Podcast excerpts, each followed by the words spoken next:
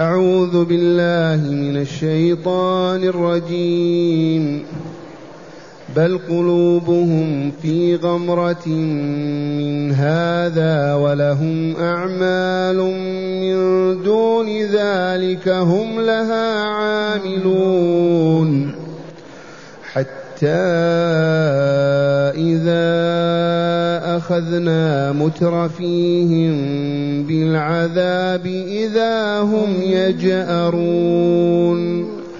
لا تجأروا اليوم إنكم منا لا تنصرون.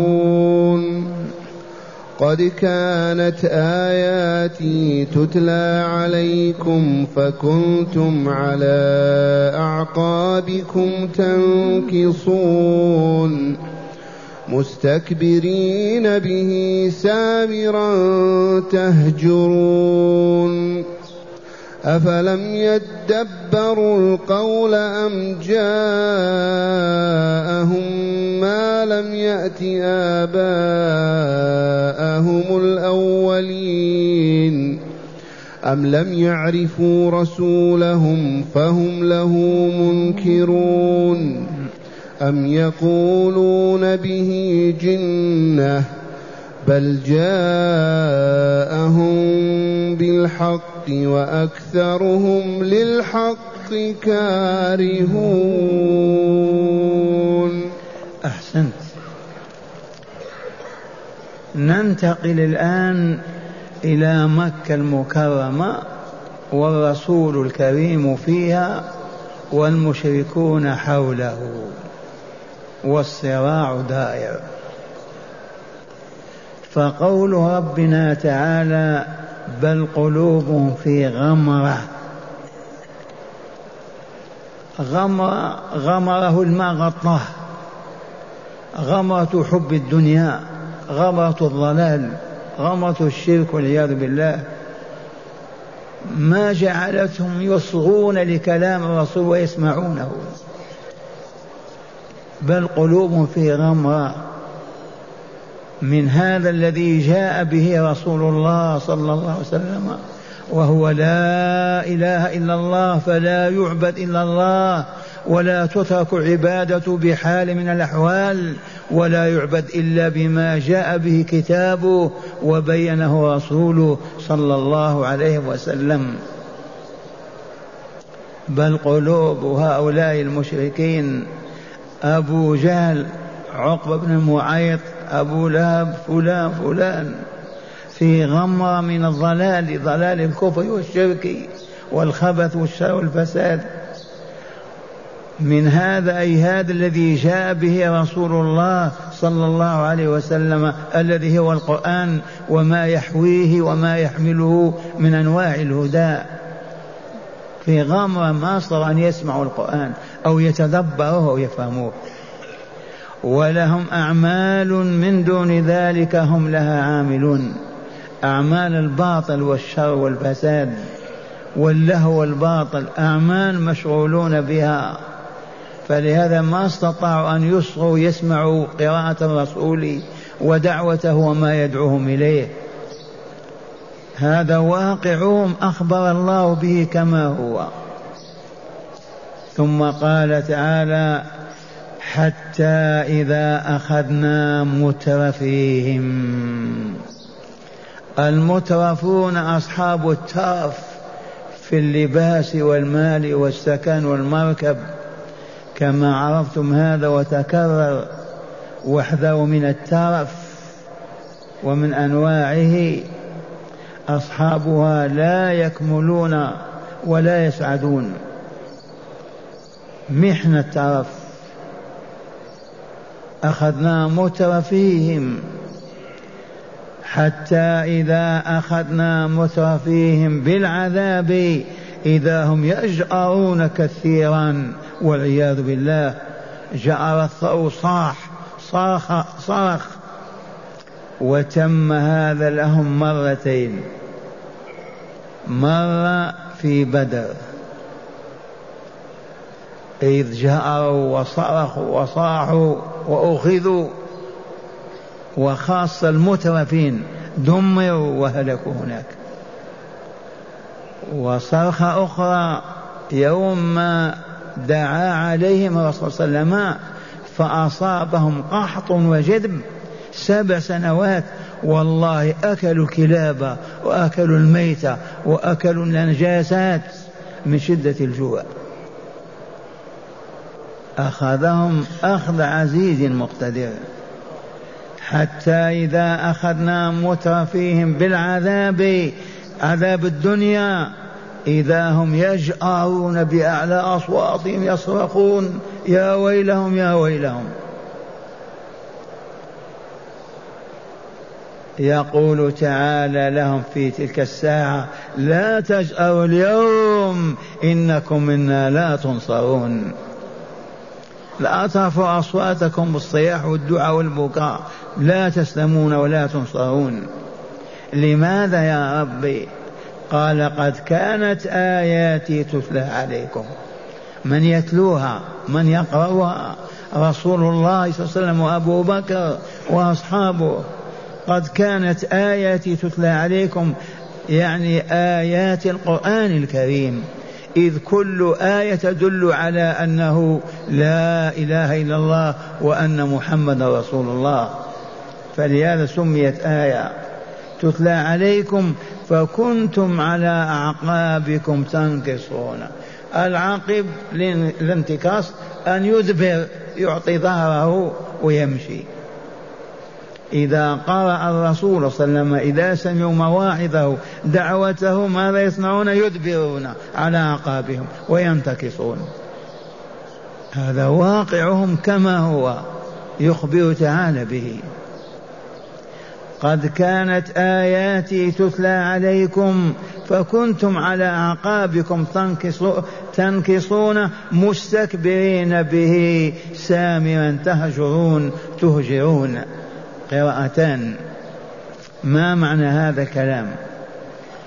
قوله تعالى قد كانت آيات تتلى عليكم يتلوها رسول الله صلى الله عليه وسلم أو أبو بكر أو بعض المؤمنين وهم قليل. فكنتم على أعقابكم ما تسمعون ولا تقبلون عليه بل تدبرون وتتركون القارئ يقرأ. ذاك الإدبار والرجوع إلى الوراء معه استكبار. مستكبرين. ما هو إدبار ورجوع الوراء خوف أو كذا؟ لا من أجل الكبرياء والعنترية. كيف نسمع لهذا الكلام؟ كيف نجيبه نمشي وراءه؟ نحن أعلى من هذا وأكرم وأعز مستكبرين. وقوله مستكبرين به يعني بالحرم مكة البيت العتيق. كانوا يقول نحن سكان الحرم لن ينتصر علينا أحد لن يمسنا الله بسوء لن نبتلى بعذاب ولا كذا. هكذا كانوا يعتزون اعتزازا عجبا. نحن سكان الحرم لو تجتمع الدنيا كلها ما تستطيع أن تؤثر علينا في شيء. ولكن هزمهم الله في بدر وسلط عليهم سنين القحط والجدب رغم أنوفهم. لكن هم مستكبرين بالحرم. كيف سكان مكة يصابون بكذا وكذا؟ ما نسمع لهذا الكلام وهذا التخويف والتهديد لا معنى له. فهمتم معنى مستكبرين به؟ أي بالحرم. وقوله تعالى سامرا تهجرون. أما قراءة تهجرون أي تقولون الهجر. وهو القبيح من الكلام والسيء. وأما تهجرون سامرا تهجرون يقضون الليل كامل إذا كان القمر طالعا وهم في نور القمر يتكلمون ويسخون ويعبثون ويسخرون ويشربون الخمور ويلهون ويلعبون. لأن سمر القمر إذا لاح نوره ومن الأسمر عندنا في نور ليس بأسود. ساميا ومن هنا قرر النبي صلى الله عليه وسلم لأمته وأنتم إن شاء الله منها ألا سهر بعد صلاة العشاء ولا سمر إلا من ضرورة. كطلب علم كمحادثة ضيف وإيناسه أو زوجة.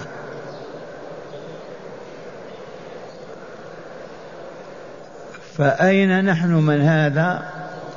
كره رسول الله صلى الله عليه وسلم لأمته النوم قبل صلاة العشاء. لا ينبغي لك أن تنام يا عبد الله أو تنام يا أمة الله قبل صلاة العشاء. هذا نظام حياتنا. بعد صلاة العشاء لا لهو ولا باطل ولا سمر ولكن النوم والاستراحة. للقيام آخر الليل. كيف حال المسلمين الآن؟ إذا صلوا العشاء جلسوا أمام التلفاز بنسائهم وأطفالهم. يضحكون ويسخرون ويشاهدون وهو الساعة والساعتين والثلاثة من أذن لهم في هذا؟ آه الله أذن بهذا؟ لا والله. أذن بهذا رسول الله صلى الله عليه وسلم والله ما أذن فيه. من أذن بهذا؟ تقليد الكفر والكافرين والجري وراء أهل الشر والظلم والفساد. سامعا تهجرون تقضون الليل كاملا في اللهو واللعب وقول الباطل هذه الآية ما نخاف أن نكون من أهلها. سامعا تهجرون. السمر هو الحديث والسهر بعد صلاة العشاء سواء ساعات أو ساعة أو أكثر أو أقل. فقط إذا كانت لطلب العلم أو لضيف تحدثه حتى ينام وتستنسه أو لزوجة تداعبها ما عدا ذلك صليتم العشاء النوم. وقف على أطفالك حتى يناموا وغطيهم بغطاء. والآن مظهر من مظاهر البلاء المقبل لأن هذا الذنب له آثاره يقينا يعني. وجزاء سيئة سيئة مثلها. فأصبحت ديار المسلمين من بعد صلاة العشاء إلى نصف الليل كلها له باطل ولعب المفروض أن التجار إذا دقت دقت الساعة السادسة أغلقوا دكاكينهم ومتاجرهم ومقاهيهم وأقبلوا على ربهم في بيته يتعلمون الكتاب والحكمة ويصلون الفريضتين المغرب والعشاء وبعد ذلك يذهبون ليستريحوا. حتى يقوموا قبل الفجر بساعة. هذا نظام حياة المسلمين. أما الآن حياة الغرب وزدنا فوقها. كم مرة أقول ألف مرة. أن النصارى اليهود في أوروبا في أمريكا في اليابان إذا دقت الساعة السادسة مساء وقف العمل. ونحن نبدأ العمل بعد المغرب. كأننا لسنا بمؤمنين. دقت الساعة وقف العمل في أوروبا شاهدناه بأعيننا حاضرناه وجلسنا فيه. أين يذهبون لما يفرغون من عملهم إلى المقاهي والملاهي والملاعب والمراقص؟ إذ هم كفار أهل النار ما عندهم معرفة بالله ولا ببيوته. ونحن ماذا نصنع؟ بدل أن نذهب إلى المساجد نذهب إلى اللهو واللعب كذلك. باسم التجارة والعمل. ما ننسى هذه الكلمة؟ ساميا تهجرون هذا عيب عاب الله المشركين عليه وإلا لا؟ فهل يجوز لنا ان نكون مثلهم فنعاب؟ فلهذا نظام حياتنا نحن أتباع النبي محمد صلى الله عليه وسلم. أن لا ننام قبل صلاة العشاء ولا نصم ولا نسهر بعد العشاء إلا من ضرورة. تدعو إلى ذلك. كما بينا. والآن الأعراس من صلاة العشاء إلى الفجر. من أذن لنا في هذا؟ نحن أتباع محمد وإلا جهال؟ ألسنا مؤمنين؟ نعيش على نظام رباني خاص وإلا لا؟ من أين لنا أننا نسهر ست ساعات في الليل للهو والباطل والأكل والشرب؟ هل لهذه الذنوب آثار في المستقبل؟ والله إن لم يتداركنا الله بالتوبة الصادق النصوح لنالتنا آثارها. هي الذنوب تقول بملء فيها حذار حذار من بأس وفتك. فهمتم معنى قوله تعالى مستكبرين به أي بالحرام والاعتزاز به ساميا تهجرون طول الليل. ثم قال تعالى أفلم يتدبروا القرآن؟ هذا يصدق علينا نحن. والله العظيم لما ما نتدبر القرآن؟ لو تدبرنا القرآن ودرسنا في حلقه والله ما نسهر ولا نسمع طول الليل. لأننا مبعدون عن القرآن. حتى الذين يسمعونه في إذاعة ما يتدبرون ولا يسألون عن معانيه ولا يقولون كذا وكذا. سماع للصوت فقط. أغلب من يسمع الصوت. أفلا يتدبرون القرآن ويتتبعون ما فيه من الهدى والنور ما فيه من أحكام والشرائع بعقولهم وتفكيرهم. أم جاءهم ما لم يأتي آباءهم الأولين؟ هذا يتناول المشركين في مكة. وبل جاءهم وعرفوا عن ديانة عيسى وموسى وأهل الكتاب وعرفوا الرسل وعرفوا الأنبياء وعرفوا الشرائع ما كانوا جاهلين بهذا بالمرة على علم. أفلا أفلم يتدبروا القرآن؟ أفلم يدبروا القول؟ القول هو الذي يقوله الرسول صلى الله عليه وسلم ويدعو إليه. أم جاءهم ما لم يأت آباءهم الأولين؟ بالعكس. أم لم يعرفوا رسولهم؟ ما عرفوه يعني؟ والله عرفوه. وعرفوا أنه رسول الله صلى الله عليه وسلم. كما عرف المؤمنون الآن رسول الله. أو ما عرفوا عرفوا رسول الله. هل هل هم راغبون في أن يتبعوه ويمشوا وراءه؟ ويتقيدوا بما جاء به من شرع الجواب لا لا ولا واحد في المئة. ما عرفوه عرفوه رسول الله بحق وصدق. لكن هل قبلوا رسالته؟ هل اجتمعوا عليها؟ عرفوا ما فيها؟ طبقوا ذلك العلم وتلك المبادئ؟ الجواب لا لا فكأنهم ما عرفوا.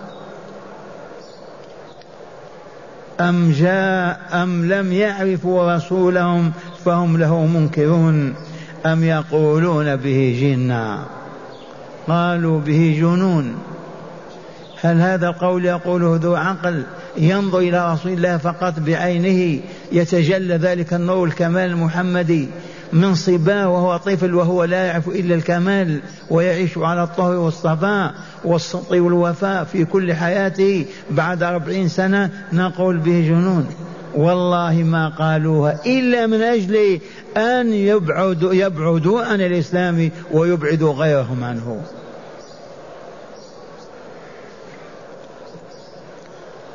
أم يقولون به جنة؟ بل جاءهم بالحق. وأكثرهم للحق كارهون. ذي الحقيقة. جاءهم رسول الله بالحق في عبادة الله وحده بما شرع ليكملوا في الدنيا ويسعدوا ويسعدوا في الآخرة ويكملوا. والله ما جاء إلا بهذا.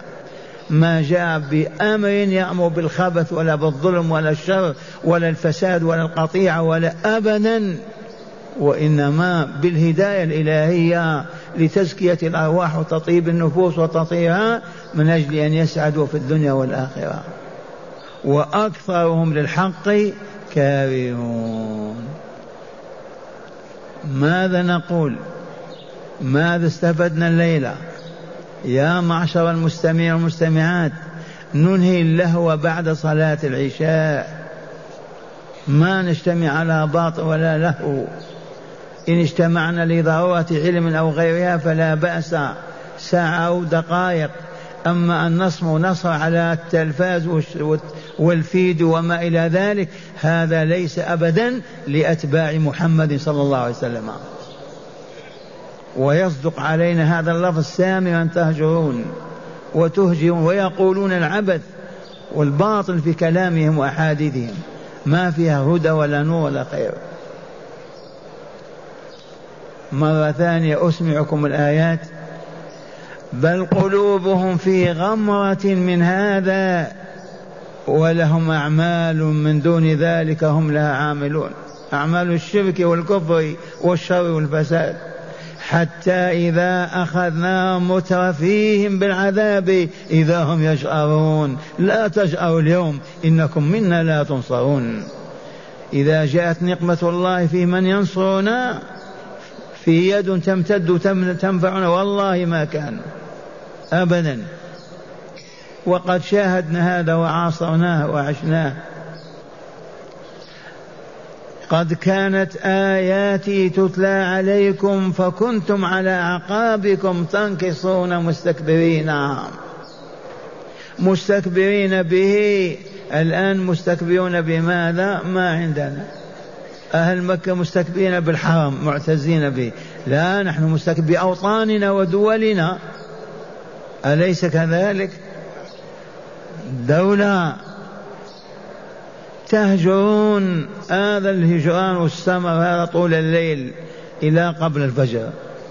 أفلم يتدب أفلم يدبروا القول أم جاءهم ما لم يأت آباهم الأولين؟ اللهم لا ذا ولا ذاك. أم لم يعرفوا رسولهم فهم له منكرون؟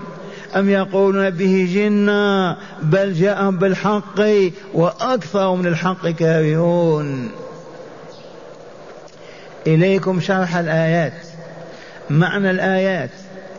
بل قلوبهم في غمرة من هذا أي ليس الأمر كما يحسب هؤلاء المشركون أنهم أن نمدهم بالمال مسارعة لهم منا في الخيرات لرضانا عنهم. لا بل إن قلوبهم في غمرة وعمى من القرآن.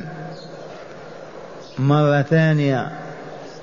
بل قلوبهم في غمرة من هذا. أي ليس الأمر كما يحسب هؤلاء المشركون أننا, نم أننا نمدهم بالمال مسارعة منا لهم في الخيرات لرضانا عليهم عنهم. لا بل إن قلوبهم في غمرة وعمى من القرآن. فلهذا يظنون هذا الظن ويحسبون هذا الحسبان.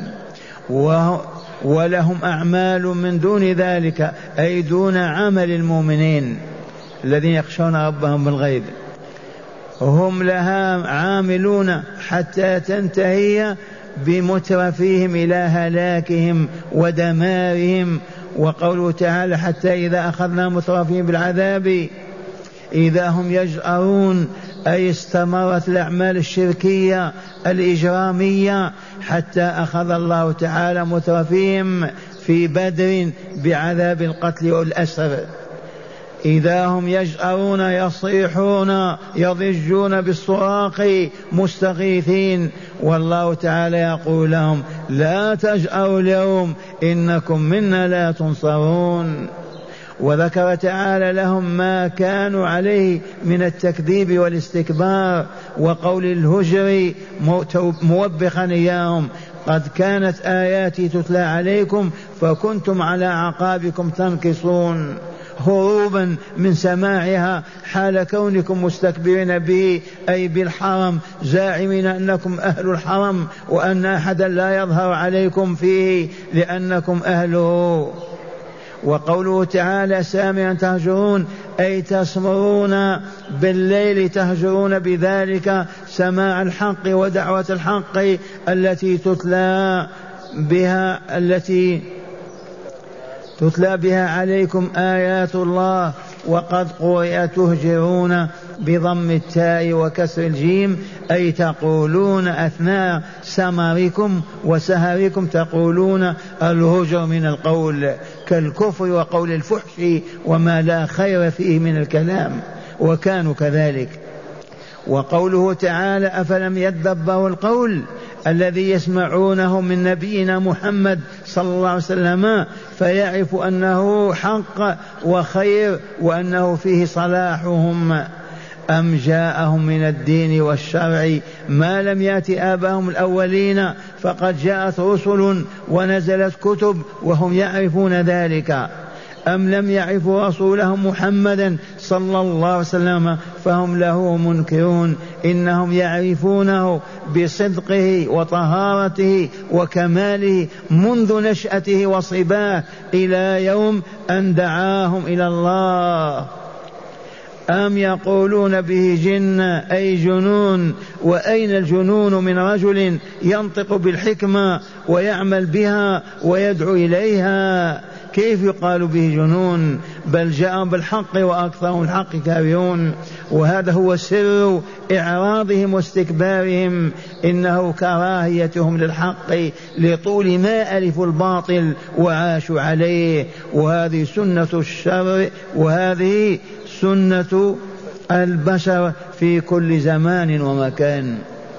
فالآن المؤمنون المسلمون ملايين أكثرهم معرضون عن كتاب الله جاهلون به ما يستجيبون للحق لأنهم لا علم لهم. مع هداية الآيات. بسم الله والحمد لله. من هداية هذه الآيات أولا غمرة الجهل والتعصب وعمى التقليد هي سبب إعراض الناس عن الحق ومعارضتهم له. أعيد. قال غمرة الجهل غمرة الجهل والتعصب والتعصب وعمى التقليد. وعمى التقليد. وعمى التقليد. هذه ثلاثة. سبب إعراض سبب. إعراض المعرضين عن الله وكتابه وهدي رسوله. أعدها ما كم واحدة. أولا الجهل. والتعصب. فلهذا يجب على المؤمنين والمؤمنات أن يتعلموا وقد فتحتم مدارسكم أيها المسلمون في الشرق والغرب. ما نفعت أبدا ولا أجدت وإن كنت كاذبا ردوا علي. ولا واحد في المئة. لأنها فتحت لا لله. ليس من أجل أن يعبد الله بما شرع الله. فتحت للدنيا فقط تقليدا للكافرين. فلهذا قلنا ينبغي أن نعود إلى بيوت ربنا. المساجد. إذا دقت الساعة السادسة ما يبقى في القرية رجل ولا مرأة ولا طفل إلا وتوضأ ودخل المسجد ولا في حي من أحياء المدن. ونتعلم تعلمنا هذا كل ليلة طول العام. نزكي أنفسنا ونطهر أرواحنا ونهذب أخلاقنا وآدابنا. وباقي الوقت طوله في المدارس وإلا في المصانع أو المتاجر أو المزارع. لا يهمنا ذلك. وتنمو معارفنا وعقولنا على دراسة كتاب الله وسنة رسوله لأننا الآن ما نريد إلا وجه الله عز وجل. لا وظيفة ولا مال ولا ولكن نريد رضا الله تعالى. فهذا الجهل الذي عم الأمة هو الذي غمرها في الضلال. نعم. ثانيا لا تنفع التوبة عند معاينة العذاب أو نزوله. هذه حقيقة. إذا دقت الساعة وجاء العذاب ما تنفع التوبة أبدا ولا تجدي نصرخ وإلا نبكي. يجب أن نتوب قبل أن نشاهد العذاب وآياته. أما إذا نزل ما ينفع بكاء ولا دموع. نعم. ثالثا وأخيرا بيان الذنوب التي أخذ بها أو أخذ بها مترفو مكة ببدر. وهي هروبهم من سماع القرآن ونكوصهم عند سماعه على أعقابهم حتى لا يسمعوه واستكبارهم بالحرم واعتزازهم به جهلا وضلالا واجتماعهم في الليالي الطوال يسمرون على اللهو وقول الباطل هاجرين سماع القرآن وما يدعو إليه من هدى وخير. بيان سبب إهلاك المترفين في مكة.